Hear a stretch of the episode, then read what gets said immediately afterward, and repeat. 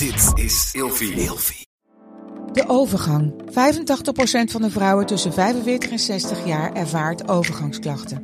Klachten die kunnen leiden tot een verkeerde diagnose of langdurige arbeidsongeschiktheid. Wat kun je doen als je overgangsklachten ervaart? Hoe maak je dit bespreekbaar op je werk? En als jouw medewerker bij jou komt, wat kun je als werkgever dan doen? Sector Instituut Transport en Logistiek heeft een kennisplatform ontwikkeld waar jij terecht kunt voor tips en adviezen. Wil je hier meer over weten? Kijk dan eens op stl.nl/slash overgang.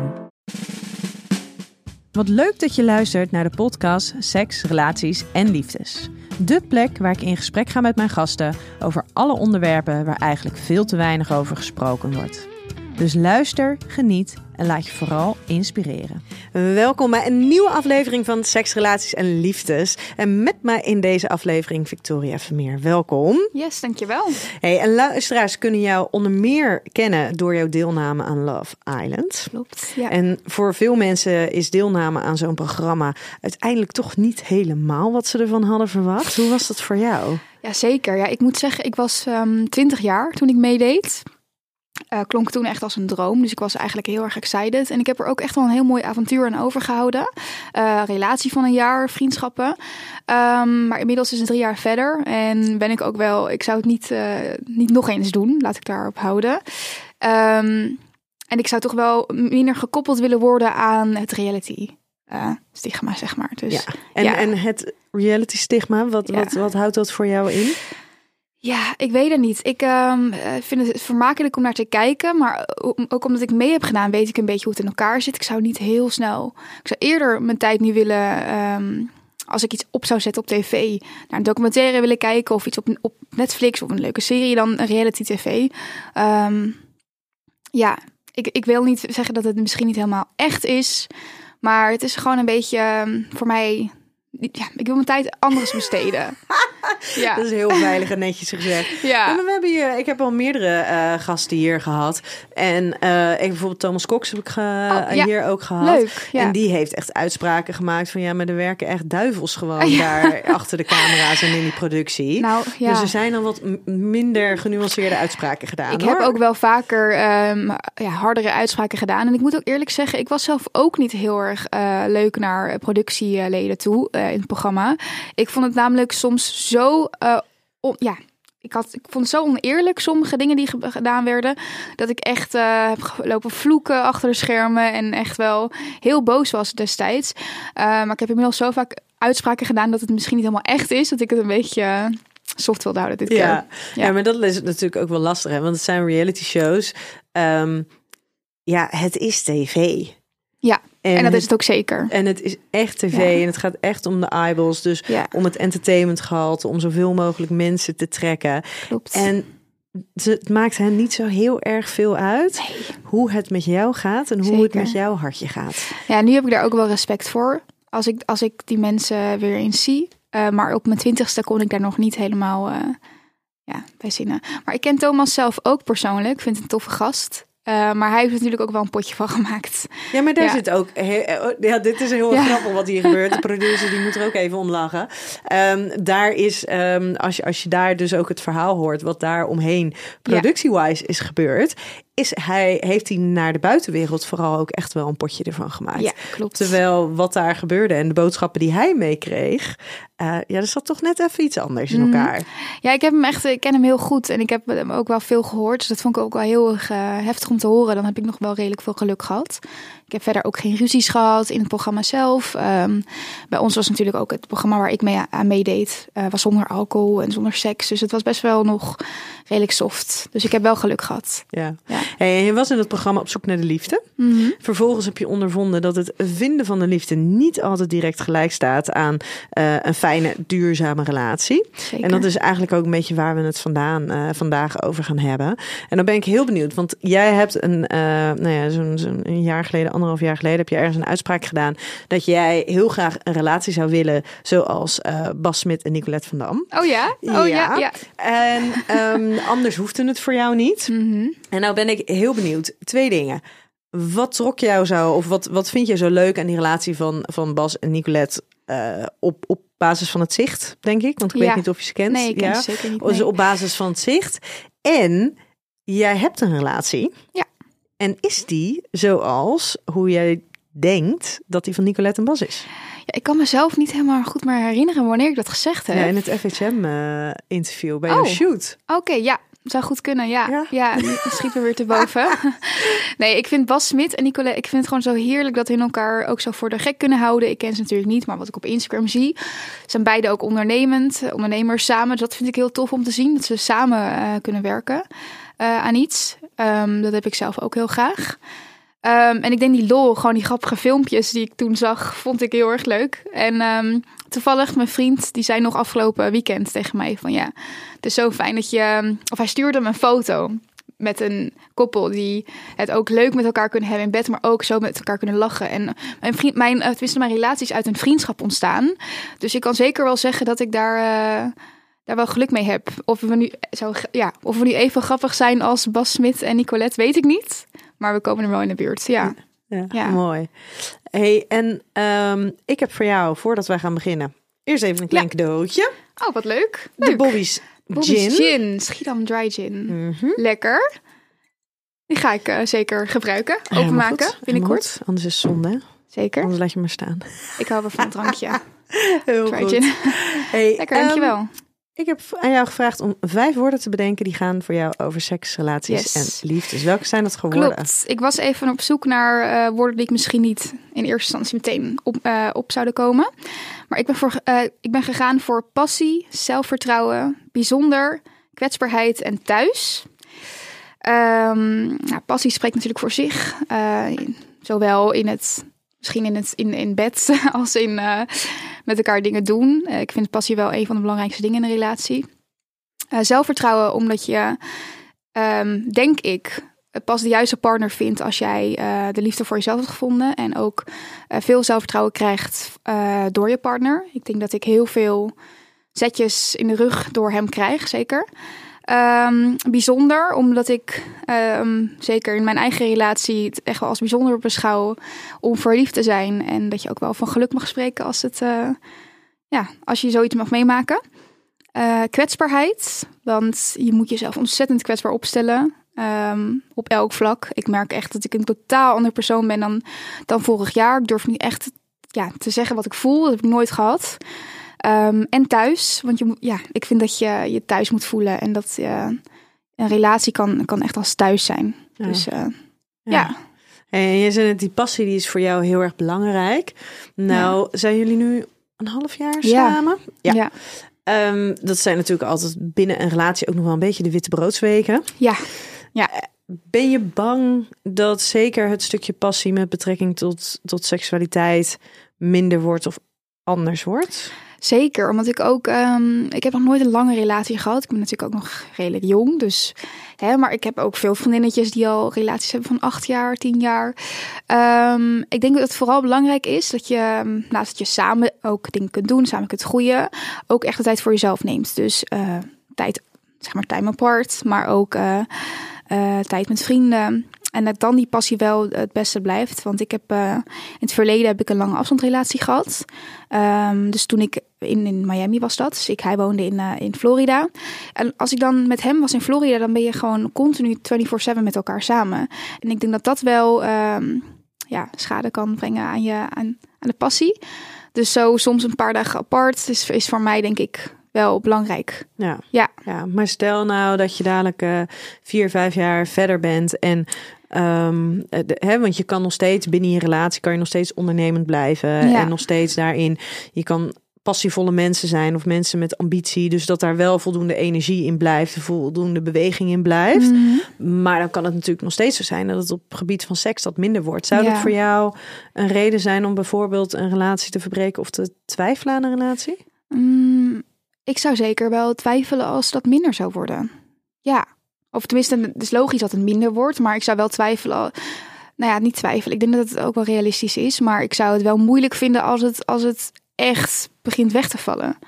Weet, hoe lang zijn, zijn jullie samen? Eh, de, ruim acht jaar. Acht jaar. Ja, jullie, jullie hebben er dus meer ervaring mee. Tuurlijk, het is het eerste jaar zal het spannende zijn. En dan ga je nog eh, misschien ja, nog meer moeite voor elkaar doen. Hoe, hoe, ja, het, het zal zeker in, in zal zeker zeg maar fluctueren. Het zal, het zal niet altijd hetzelfde blijven, Nee, leek me. Maar, maar dat, is, dat is natuurlijk hè, zeker, want als jij eh, als passie iets is wat voor jou heel erg belangrijk eh, Ja. is. Maar het heeft niet alleen met seks te maken hoor. Nee, nee, is nee, ook, eh, daarom. ja. Dus ook de rest van de, van de relatie, maar zeker op dat gebiedje van seksualiteit. Ja, je, je, je moet eigenlijk ergens wel heel erg mazzel hebben. Ja. Wil, wil de seks zoveel passie blijven, blijven eh, geven. Mhm, ja. En vanuit passie blijven ontstaan. Ja. hoe zou jij, de, wat zijn jouw tips om eh, het spannend te houden? Nou ja, er zit. Nee, ik denk, nou ja, ik denk dat dat stukje afstand en, en nieuwsgierig blijven naar elkaar, Ja. dat dat sowieso altijd een goede is. Maar ehm, dat er ook gewoon een stukje Acceptatie. acceptatie, Oh ja. in zit. Ja, exact. En, en dat er dus inderdaad periodes zijn waarin het niet eens ligt aan je relatie, maar misschien zelfs wel gewoon aan jezelf. Dat je eventjes in een andere fase zit. Dat, Ja, dat je gewoon wat minder seksueel zit. voelt. Of en 100%. hetzelfde gaat, o- geldt voor je partner Ja, natuurlijk. 100%. Ik herken me daar wel in hoor. Dat ik soms even niet zo lekker mijn vel zit. Of even een off week heb. En dan ook veel minder daarmee bezig ben. Terwijl eh, mijn partner bijvoorbeeld, eh, al- ja, altijd wel. eh, maar ja, hij zal ook waarschijnlijk wel eens in een periode komen waarin het minder wordt. Ja, zonder dat het Ehm, gelijk iets hoeft te zeggen over ja, je relatie. Zeker, ja. Ja, Het heeft ja. persoonlijk met jezelf te maken. En het is zo zonde als je het wel aan elkaar koppelt. Mhm, ja, maar ik merk ook sowieso dat het een. Dat heb je al wel eens in een andere podcast ook besproken. ehm, dat de kwaliteit is natuurlijk veel belangrijker dan het aantal keer. Dat Seks. sowieso. Ja. En eh, soms, eh, ik kan me daar ook wel eens in vinden, maar soms hoor je verhalen met. We hebben 30 keer eh, seks gehad een hele week of weer 50 keer. En, en dan denk ik, hou toch hoor je die op, man. verhalen? Ja, ik vind dat ook eh, moeilijk te geloven. Maar dan denk ik, het is, het is geen strijd met hoe vaak je eh, op elkaar duikt. Maar Ja. of, er, of er liefde in zit, of wat, hoe de kwaliteit is. Ehm, eh, ja, ik kan me niet voor. eh, Nou, nou, weet je, zeker in het eerste jaar is het spannend om het een aantal keer achter elkaar te doen.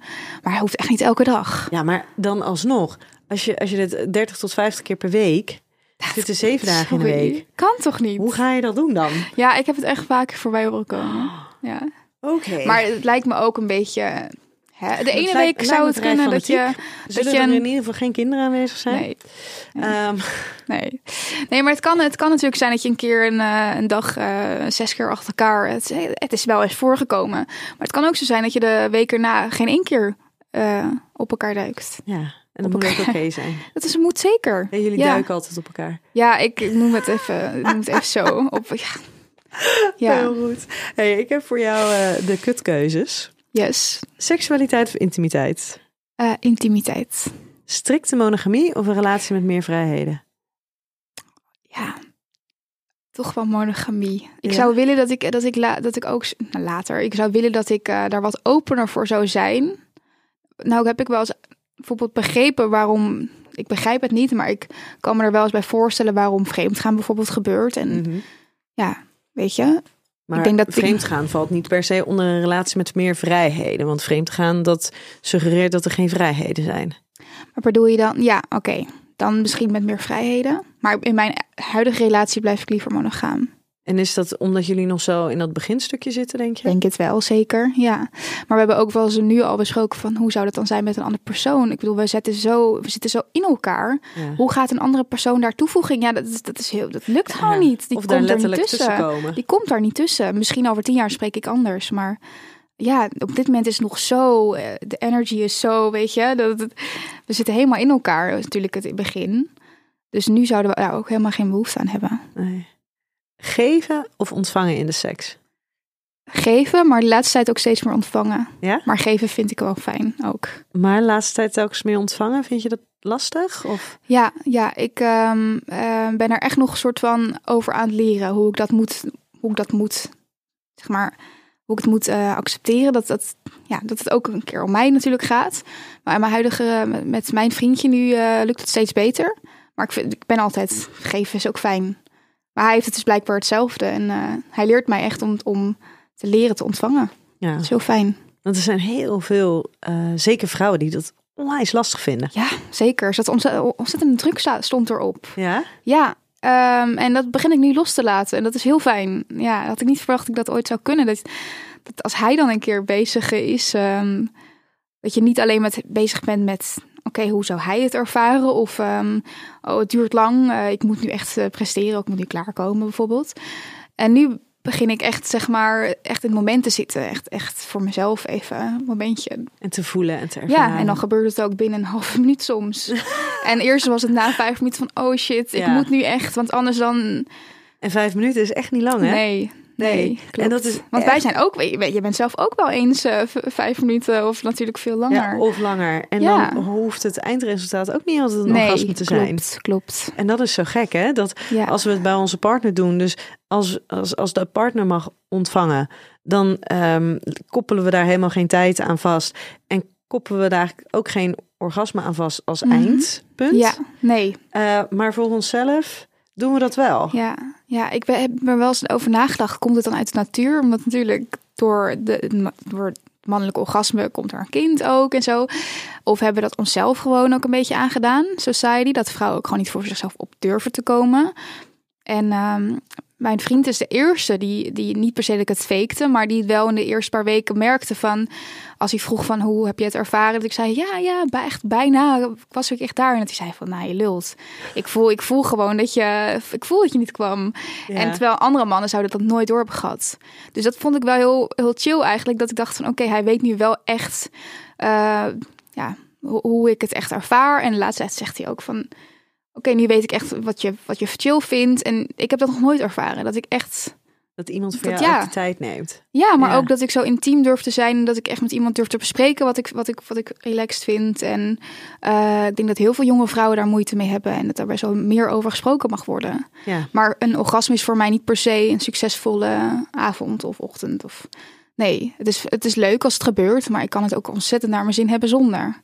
Ja. Ja. Weet je wat bizar is? Er zijn wetenschappelijke onderzoeken gedaan, of een wetenschappelijk onderzoek gedaan, naar eh, vrouwen die dan moeite hadden met klaarkomen. En dan moesten ze op een gegeven moment eh, eh, de tijd bij gaan houden hoe lang hun partner hun aan Ja. het bevredigen was. Ja, En wat je zag, dat eh, vrouwen die geen moeite hebben met, met het ervaren van een, of het krijgen van een orgasme, dat die vrij accuraat waren. ja. Maar dat degene die daar dus wel moeite mee hebben, of het helemaal eigenlijk nooit ervaren, dat die er gerust 20 tot 30 minuten naast zaten.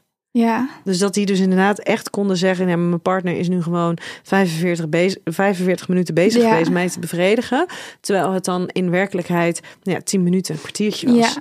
En dat is dus zo'n bizar verschil. Maar dat is echt, het is dus wat er allemaal dan in je hoofd omgaat. En hoeveel Ja. druk we onszelf opleggen in hoe snel het moet gaan. Ja, ja. Terwijl ik denk, als, als, als jij de gever bent, vind ik het heel relaxed om gewoon mijn tijd te nemen. En eh, ja, ben je er helemaal niet voor mee bezig. Maar op een gegeven moment, het, het moet ook helemaal niet over dat gaan. Het moet over jou gaan op dat moment. Je moet echt, dus het is lastig, Ja, denk maar ik. leren ontvangen in de seks is echt een stuk lastiger Ja, dan dat veel mensen denken. klopt. Ja. Ja. en ik ben daar nu dus een beetje, eh, in, dat is een beetje waar ik nu in het proces zit. En ik vind het wel heel leuk om, dat ik eindelijk soort van, ook daarom ook het woord kwetsbaarheid of tederheid.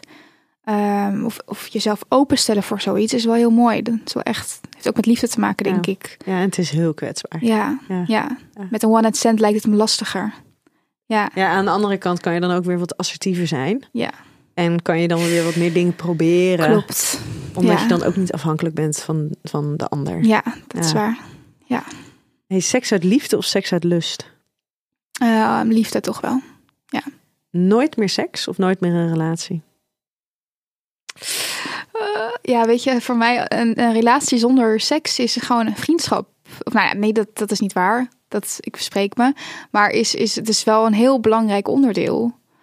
Dus dan zou ik misschien nooit... Ja, ik heb natuurlijk nu een Je relatie. moet kiezen.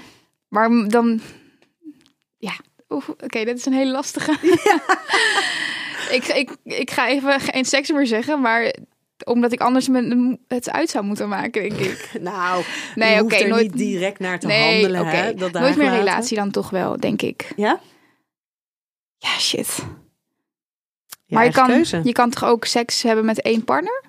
Maar dat is eigenlijk... Nou ja, maar op een gegeven moment, als je meerdere keren seks hebt met één partner, ga je op een gegeven moment toch wel een vorm van een relatie daarin ontwikkelen. Ja, oké. Nooit meer seks dan. Dus dat kan anders niet. Ja. Eh, we gaan naar de stellingen toe. Als je te graag liefde in je leven wil, is de kans groot dat je terechtkomt in een niet werkende relatie. Je hoort wel vaak van je vindt de liefde pas als je, als je er niet naar op zoek bent. Aan de andere kant denk ik, als jij je focus en je aandacht ergens op legt om iets te laten werken, uh, we noemen het wel eens manifesteren, hè? dan krijg je wel alles wat je, waar je om vraagt. Maar ik, ik, ik ben bijvoorbeeld zelf er niet op zoek naar gegaan, maar inmiddels gevonden doe ik er wel alles aan om te laten slagen. Ja, maar als je kijkt bijvoorbeeld naar uh, Love Island, dat is natuurlijk een hele bewuste keuze van, hé, hey, ik ben op zoek naar de liefde, dus ik ga meedoen aan zo'n programma. Ja. Ja, ik kwam zelf toen uit een, uh, uit een relatie net. Dus of ik echt uh, op zoek was naar echt de ware liefde op mijn twintigste, nee, durf ik niet te zeggen. Ik was soms er zeker wel voor open. Maar ik stond meer open voor misschien de aandacht of even een fling. Of, en dan kijken wat daaruit kan ontstaan. Um, omdat ik ook dus net pas uit een relatie kwam een aantal maanden daarvoor. En dat was ook niet een hele fijne relatie. Dus ja, en ik, ik heb er wel toen een, een liefde van uitgevonden. Uh, wat ik dus niet had verwacht. Als een van de weinigen uit mijn seizoen. Uh, maar die was er niet uh, heel succesvol. Maar je hoort wel steeds vaker dat mensen toch hun liefde daar vinden. Ja. En best wel een periode ook samen blijven. Hey, en de, ja, maar dan vraag ik me af, hè. Um, is dat omdat je ook het idee hebt dat je moet voldoen aan de verwachtingen van anderen? Ja, denk het wel. Publieke druk? Denk ik wel, 100%. Bij, bij ons niet. Maar ik merkte het wel om, om me heen. Ik denk dat bij ons juist, uh, met mijn vorige relatie, dachten meer mensen dat wij heel snel uit elkaar zouden gaan. En we hebben heel weinig ook nog gedeeld online. Ook toen wij uit elkaar gingen, hebben we dat best wel een lange tijd voor ons gehouden. Um, want ondanks dat ik al jaren veel over mezelf deel, ben ik daarom best wel privé. Uh, maar ik denk wel dat er echt wel een druk op zit. Als jij na twee weken opeens, terwijl je in de finale hebt gestaan, uit elkaar moet gaan. Dat is toch wel een beetje gênant misschien. Of dan denk je van ja, shit. Ja, ja. dus blijf je in een niet werkende relatie zitten. Ja, ik denk al in het programma dat je al daar bezig bent met het ja, voldoen van het beeld wat de kijkers thuis hebben over jullie twee. Ja. En jouw vorige relatie, dat was dus eh, niet een hele fijne relatie? Nou, het vorige was gewoon, was gewoon prima. Dat is de jongen die ik uit het programma heb leren ja, kennen. maar daarvoor? Ja, dat was uh, mijn eerste relatie. En uh, daar heb ik wel wat aan overgehouden. Maar inmiddels is dat uh, ook er een tijd geleden. Ja. Ja. Wilde je, was je toen op zoek naar de liefde? Of wilde je toen de liefde in jullie relatie vinden? Een tweede, denk ik. Ik was dan ook vooral op zoek naar mezelf. Ik uh, was heel jong, ging niet voor een hele fijne periode heen. Uh, thuissituatie was niet helemaal fijn en ik had niet heel veel vriendinnetjes in Nederland. Dus zocht ik het in een ander land. Dus ik ben een, een studie gaan doen in Amerika. Daar blijven hangen, jongen ontmoet. En ik denk dat ik ook gewoon om die redenen wilde dat de liefde slaagde. Want je hebt opeens een heel ander leven. En op het moment dat het uitging of dat het uit zou gaan met deze jongen, zou het leven ook daaromheen wegvallen. Um, dus dat was een extra extra soort van scheur in mijn hart toen het uitging. Um, en dat heeft die show Love Island wel voor mij opgevangen. En daardoor ben ik veel gelukkiger geworden in Nederland. En inmiddels ook met mensen die helemaal niks in deze, in deze showbiz-wereld te maken hebben. Um, maar ja, de eerste relatie was, was pittig. Ja. ja. ja. Dat een relatie niet goed voor je is, merk je eigenlijk pas altijd achteraf. Nee, ik denk dat je altijd donders goed weet waar je middenin zit. Ook als bijvoorbeeld je partner je probeert te veranderen. Of niet helemaal jezelf kan zijn. Maar je liefde maakt blind. blind. En je hebt vaak een roze bril op. Ik had het ook. Maar je wilt jezelf gewoon niet... Uh, je wilt het niet toegeven, maar je weet, ik denk dat je het vaak wel weet. Of het echt goed zit. En ik denk dat liefde pas echt heel fijn is als het eigenlijk ook heel easy is. Het liefde is niet altijd moeilijk. Hoe je het? Liefde is niet altijd makkelijk. Maar um, in grote vlakken moet het gewoon easy gaan. En dan weet je dat het goed zit. Maar zijn dat dingen die jij merkte? Dat je dat hij bijvoorbeeld wilde proberen jou te veranderen? Um, Want waar merkte jij dan ach, aan, dit is niet oké, als je kijkt naar die eerste relatie? Ja, ben ik nooit heel open over geweest. Um, ik heb hem wel meegenomen ook in socials, want ik, deed, ik vlogde toen al, ik maakte vlogs. Um, deze jongen was gewoon heel agressief. Dus daarin weet je al natuurlijk dat het fout zit. En uh, uh, op, op seksueel gebied bijvoorbeeld um, kreeg ik heel weinig liefde terug. Ja. Dus was je gewend om te geven en niet Ik was zeker gewend om te geven. En op je negentiende of twintigste Uh, om dat dan in je eerste mee te maken. Ik wist niet dan ook niet wat normaal was. Komt ook eens nog eens bij kijken dat ik überhaupt niet echt een mannelijke rol in mijn leven had. Dus ik wist, ik, maar ik had geen respect nog voor mezelf, denk ik. Of geen zelfliefde. Dus vandaar dat ik ook het woord uitgekozen had uh, over zelfvertrouwen. Of zelfliefde. Ja, ja.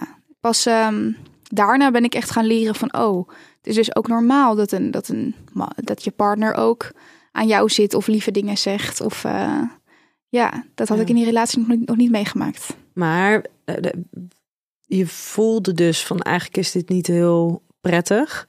Niet heel comfortabel, maar je had ook niet heel duidelijk een referentiekader van hoe het ook anders kon. Nee, nee, vanaf thuis al niet. Dus ik, ehm, ik had niet, ehm, nee, wat je zegt. Ja, maar wist jij dan al dat het niet goed was?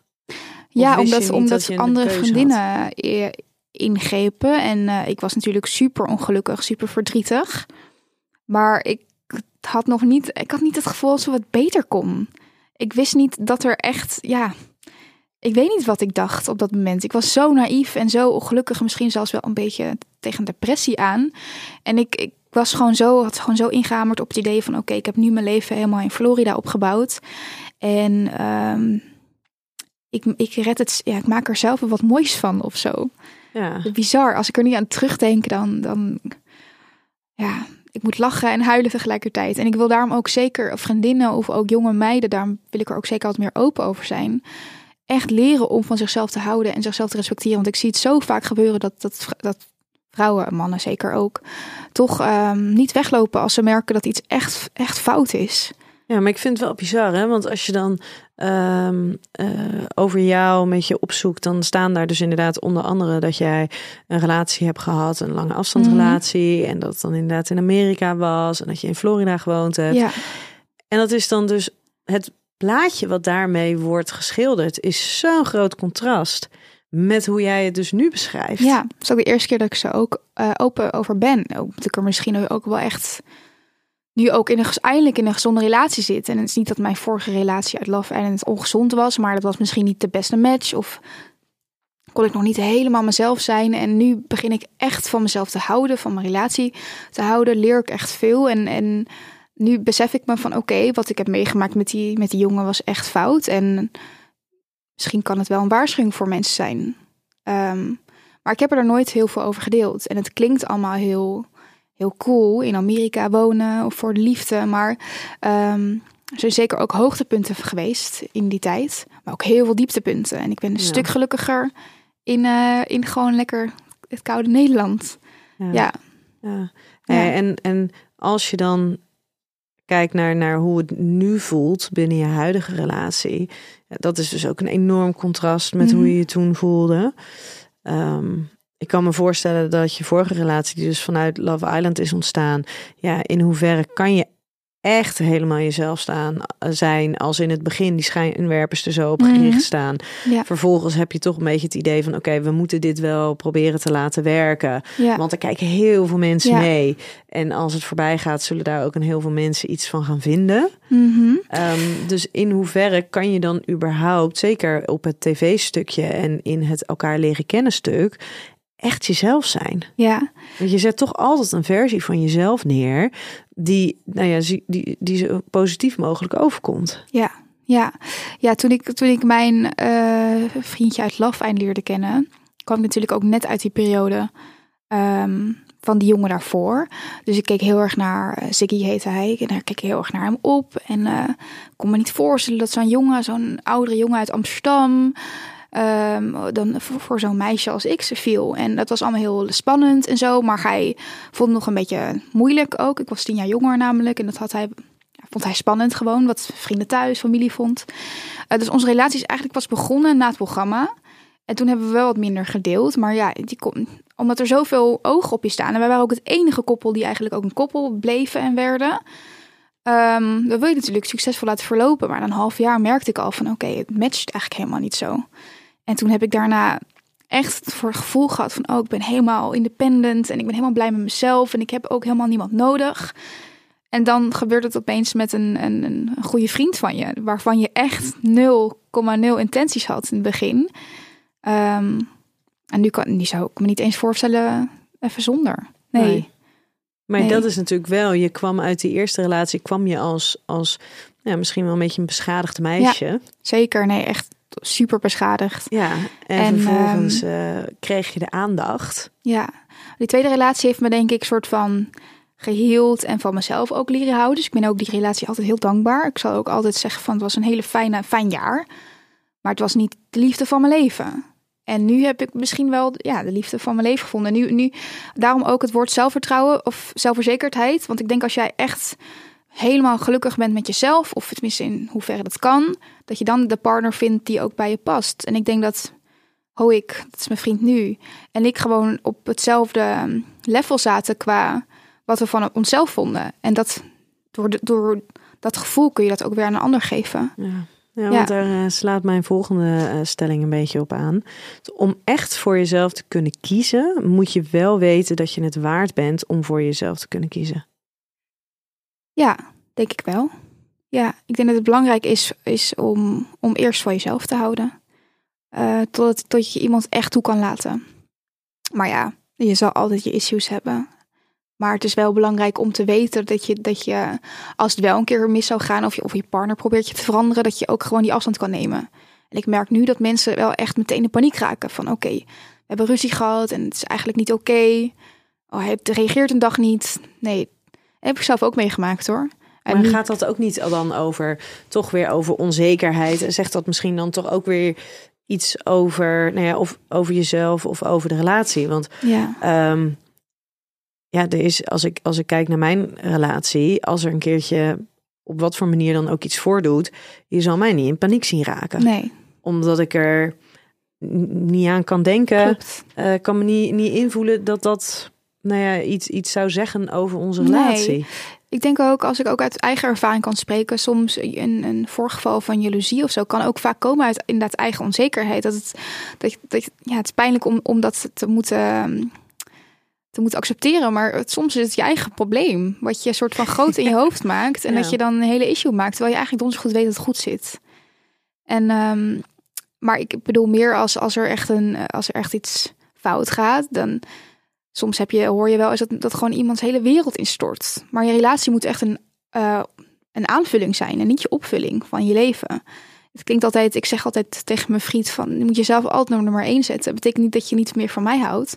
Maar jezelf is, je bent altijd het belangrijkste. Want als jij jezelf niet op nummer één zet, kan je, moet je, dat is ook voor mij goed. Ja, daar, Ja. daarin is het inderdaad ook altijd. ehm, eh, ik denk dat het heel belangrijk is dat je zonder de ander kan, Ja, maar niet zonder de ander wil.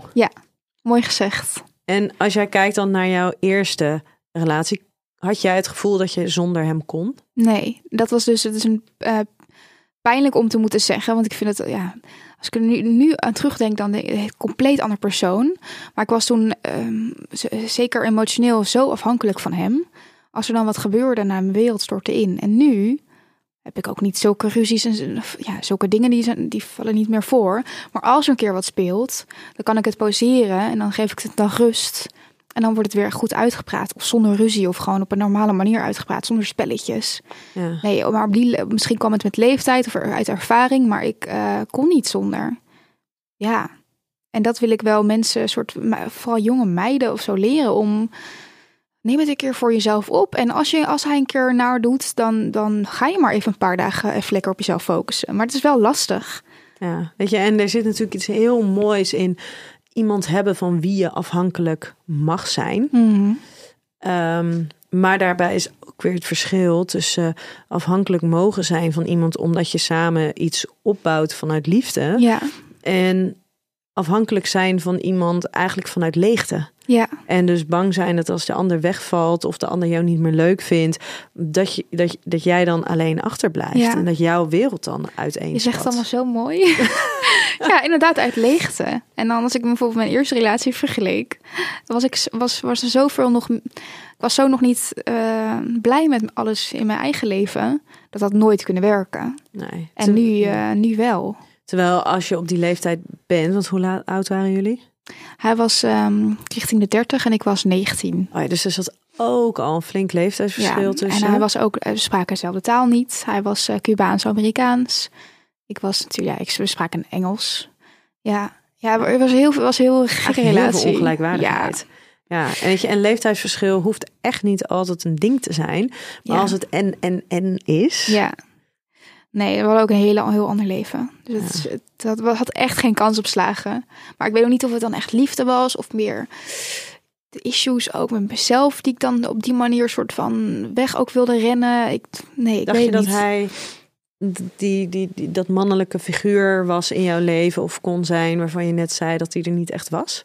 Ja, want ondanks dat ehm, misschien niet echt veel liefde in het spel was en hij ook wel heel fout kon zijn, is er wel opeens iemand die ja, je helemaal in, een ander land rondleidt en nieuwe vrienden maakt en voor me zorgt op een of andere manier. En nu zou ik er niet aan moeten denken. Ik wil ook gewoon voor mezelf kunnen zorgen, maar op zo'n leeftijd dan is het dus gewoon echt wegrennen van, van de realiteit in Nederland. Dus dat was ook wel heel interessant en dat vond ik wel heel leuk. Ehm, ja, maar ja, ik zal altijd wel een, een figuur missen. maar ehm, inmiddels is dat wel opgevuld. Ja, en daar is natuurlijk ook het lastige. Ehm, als je iets mist door de afwezigheid van iemand. Hè, Mhm. We zien heel veel mensen die zijn, zijn een leven lang op zoek naar bevestiging, naar gehoord worden, Ja. naar gezien worden. Omdat ze dat bijvoorbeeld van een oude figuur hebben gemist. Maar er is Ja. Niemand anders die dat kan gaan opvullen, anders dan die oude figuur. Nee, Dus Klopt. dan kan je beter eerlijk naar jezelf zijn en, en zoeken naar andere dingen die jou wel gewoon oprecht heel gelukkig maken. En waarbij je het gevoel krijgt dat je gezien wordt. Mhm. Maar je moet vooral niet verwachten dat iemand die verantwoordelijkheid op zich kan Ja. nemen. Want diegene is niet jouw oude figuur. nee. Diegene, daar zou je nooit een relatie mee hebben als dat je had gewild met een oude figuur. Mhm. Eh, wat je nu tegen me zegt, komt eh, heel bekend voor. En ehm, raakt me ook een beetje. Maar eh, dat, ik denk dat ik dat in de afgelopen twee jaar, na mijn vorige relatie, dus heel erg mezelf heb proberen op te lossen. Dus echt emotioneel afhank- onafhankelijk wilde zijn. En, en ik had ook echt op dat moment voor mijn gevoel niemand nodig. En ik was heel erg, echt heel erg gelukkig met mezelf. En in de leeg- leegte ga je nooit op kunnen vullen. Dat heb ik nu geaccepteerd. Het zal misschien wel, het zal echt niet meteen allemaal... ehm, zijn echt nog wel issues uit ontstaan, maar ik wist dat die leegte niet opgevuld zou kunnen worden. Maar ik denk omdat ik gewoon twee jaar lang zo met mezelf bezig was, echt mezelf nummer één heb gezet. Ook bijna niet met eh, losse scharrels of zo. En ik was echt, echt een beetje een oud vrouwtje dat mijn vriendinnen zelfs zeiden van jeetje, je mag echt wel een keertje, ga eens uit, ga eens eh, ontdekken, weet je wel. Maar eh, twee jaar lang daarom ook uitge- uitgegaan met mijn vorige relatie, omdat ik echt voor mezelf wilde kiezen. En eh, toen kwam Hoik, dus mijn huidige vriendje. En eh, ik merk dat hij geen opvulling is. Maar ik verbaas me er soms over. Dat bijvoorbeeld hij en zijn familie, ehm, broers, vrienden van, van ons. Want we zijn natuurlijk al langer vrienden. Dat kan zo als familie voelen. En het is geen opvulling. Maar het is wel iets wat ik nooit heb gehad. En waar ik nu ontzettend veel, eh, veel waarde aan hecht. Ja. Ja, dat, dat is voor mij betekent alles. Ja. En mijn moeder zegt ook altijd tegen mij: Kijk, lief, vrienden die, kie- die kies je uit. En het kan net zo mo- mooi zijn als familie voor je. Voor Ja. je zal zijn. Nou ja, ja, Of zelfs dus nog mooier. ja, Ja. zeker. Nee, mijn man die zegt ook telkens vaker bij, eh, bij goede vrienden van ons van ja, maar het is meer familie dan, Ja. eh, dan dat het anders voelt. Ja, het is heel bijzonder wat sommige mensen voor je kunnen betekenen, denk ik. Ja. En dat je dat gewoon waard bent. Ja. Ja. En je weet niet of, of in de huidige situatie waar je nu, met wie je nu bent, of dat voor altijd zal zijn. Maar ik weet wel dat hoeveel ik nu al in een half jaar bijvoorbeeld heb geleerd in mijn eigen relatie en de vrienden daaromheen en van familie daaromheen, heeft me zoveel verder al gebracht. Ja. Ja, dat is voor mij echt heel veel waard. Ja, maar dat moet je wel dus een keer ervaren hebben om te weten dat dit ook zo kan en Ja. dat het mag. Want als je het nooit anders hebt gevoeld of geweten, ja, hoe weet je dan dat er ook een iets anders is? Hoe weet je dan dat je geen genoegen hoeft te nemen met minder? Ja, ja het is moeilijk. Ik denk dat, ik denk dat je echt eh, eerst die zelf een reis moet maken met jezelf om, eh, om echt geluk te vinden. Maar de grote tip kan ik er ook nog niet geven. Of misschien Nou juist wel heel veel. Even, even juist pijn ervaren hoe dat is. En dan daaruit jezelf. Die pijn Vinden. verdragen. Ja, Want als je die pijn eh, niet verdraagt en alleen maar weer gaat verdoezelen met andere pijn, met andere onprettige Ja. dingen, ja, dan, dan, dan ga je ook niks verwerken. Dan ga je het ook niet, niet Nee. dan kom je er ook niet uit. Dan Nee. blijf je erin zitten, want het is wel wat je kent. klopt. Dat stukje niet gezien worden, niet gehoord worden, niet dat het, eh, dat het ongelijkwaardig is. Dat zijn dingen die je kent. Mhm.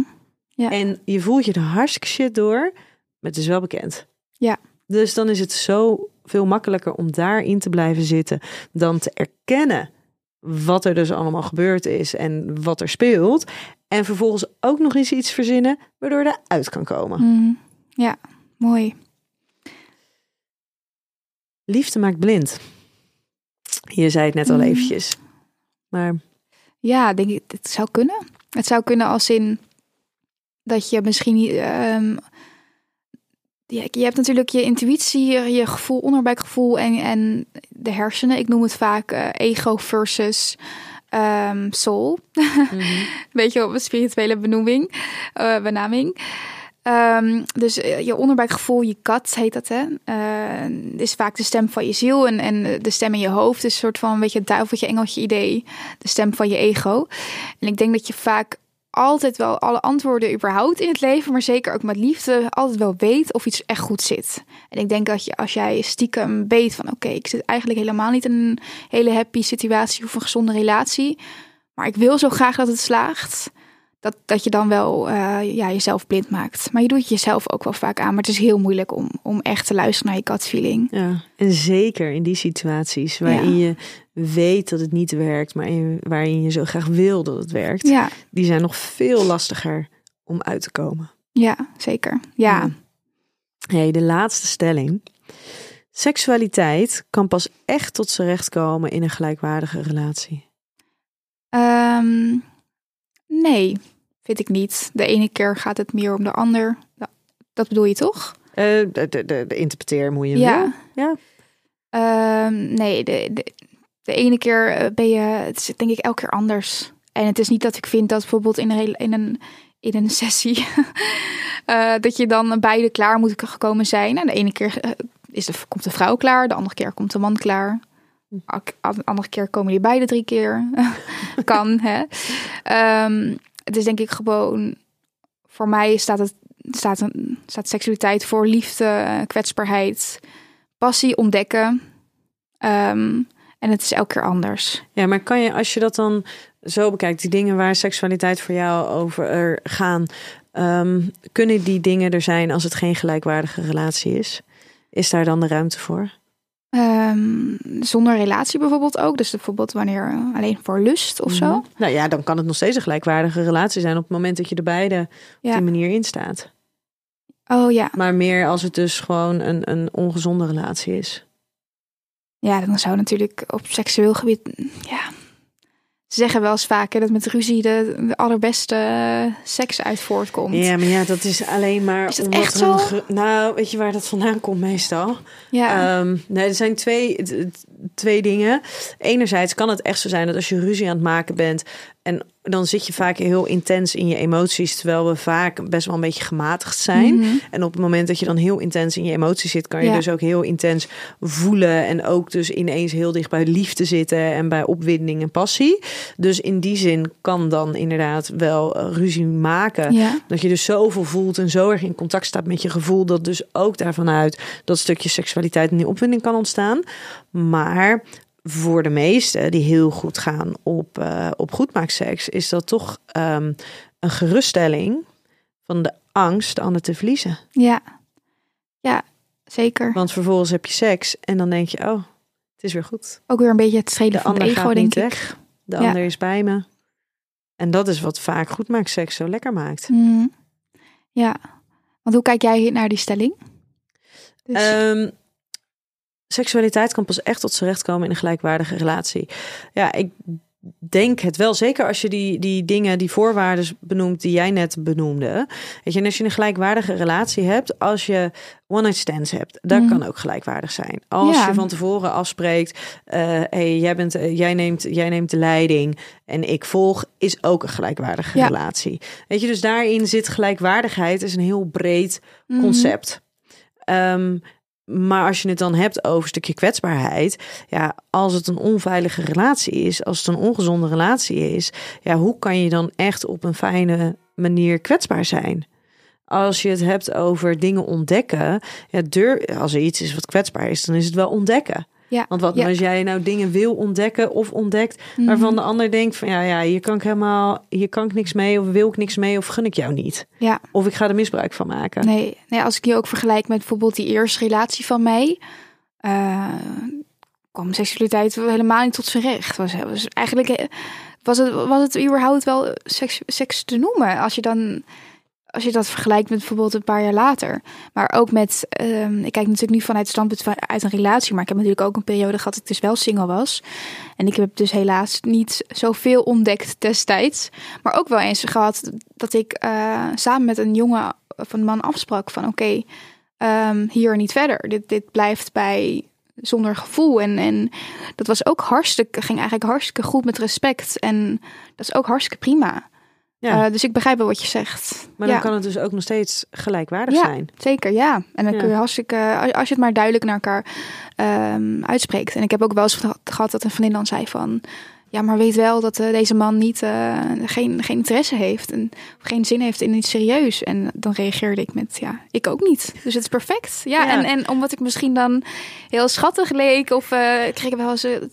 Oké, maar laat niet je hart breken. Zeg ik, ja, maar ik hoop niet dat het ook andersom niet gebeurt. Ik ben ook echt totaal niet op zoek naar iets. En zo is ook echt dus mijn, mijn huidige eh, relatie ontstaan. Is echt met, ook met zo'n gesprek gegaan. Met, oké, we gaan gewoon, we, hebben, we zijn op zoek naar lust. En voor mij was het al een tijd geleden. Ehm, jij bent een goede mattie van me. En eh, je ziet er gewoon, ik vond je altijd een aantrekkelijke jongen. Ja, het is echt het vanuit mij gekomen. Ja. Ik heb het geïnitieerd om, om door gewoon te zeggen van joh, ik denk dat wij dat hartstikke goed zouden kunnen. Zonder dat er echt liefde of, eh, of gezeik zou ontstaan. En echt little did I know dat ik een aantal weken later opeens dacht van shit. Toch dat onderbuikgevoel niet zo goed, hè? Nee, nee, ik, heb, ik weet niet. Eh, Misschien had ik het gewoon, eh, zag ik het gewoon echt niet. Of het is pas later ontstaan dat je opeens denkt van oké, we passen best wel goed bij elkaar. Nou, Ja, wel Nou, leuk. mooi. Fijn dat je in ieder geval nu wel de liefde hebt gevonden Ja. en het stukje seksualiteit mag, Ja. mag voelen en ervaren. Ontdekken, ja. Nou ja. Ja. Hey, wij gaan hem eh afronden. Dankjewel. Yes. Ja, jij bedankt. Voor, eh, voor jouw verhaal, jouw ervaringen. En lieve luisteraar, tot volgende week bij een nieuwe aflevering van Seks, Relaties en Liefdes.